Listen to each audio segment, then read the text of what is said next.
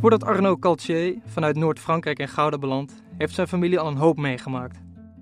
Vader Jean besluit in 1584 met zijn gezin voor het oorlogsgeweld te vluchten. In het noorden waren de Spanjaarden al teruggedreven. Hier is het veiliger. En daarom liggen juist hier de kansen. Vanuit Lille trekt het gezin Caltier eerst naar Leiden. En ze zijn bepaald niet de enige. Leiden was een logische plek. Jean was namelijk textielwerker of drapier. En juist Leiden boomde als het nieuwe centrum van de laakindustrie. Mooie wollen stoffen in de meest prachtige kleuren die in heel Europa gretig aftrek vonden. Big business dus. Lille, of toen nog Rijssel, was een eeuwenoud centrum van laakindustrie. Kennis en ervaring vanuit hier waren meer dan welkom in het noorden. En dit gold net zo goed voor vluchtelingen uit Vlaamse steden als Brugge en Gent. Ook al echte lakensteden. Verrassend genoeg besluit Arnaud na twee jaar in Leiden te hebben gewoond, de biezen te pakken en door te trekken naar Gouda. Hoewel, verrassend is het niet helemaal, want ook het Goudse stadsbestuur wilde de lucratieve lakenindustrie binnen de stadsmuren halen. Om textielwerkers naar de stad te trekken, werden zeer gunstige woon- en werkvoorwaarden geboden.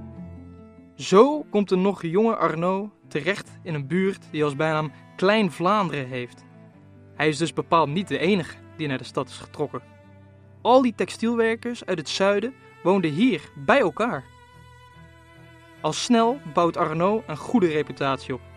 Net zo ondernemend als zijn vader steekt hij zijn energie in een eigen onderneming. Die wordt al snel winstgevend. En dus koopt hij in 1604 een groot huis waar hij zijn eigen lakenververij onderbrengt. Het huis noemt hij toepasselijk de vergulde blauwkuip. De nieuwkomerstatus van de familie Caltier heeft nog een voordeel. Arnaud houdt er een groot zakelijk netwerk op na dat zich uitstrekt over Holland, Duitsland, Vlaanderen en Noord-Frankrijk. Het zijn allemaal bekenden en lotgenoten, achtergeblevenen of medevluchtelingen die elders hun hel hadden gezocht.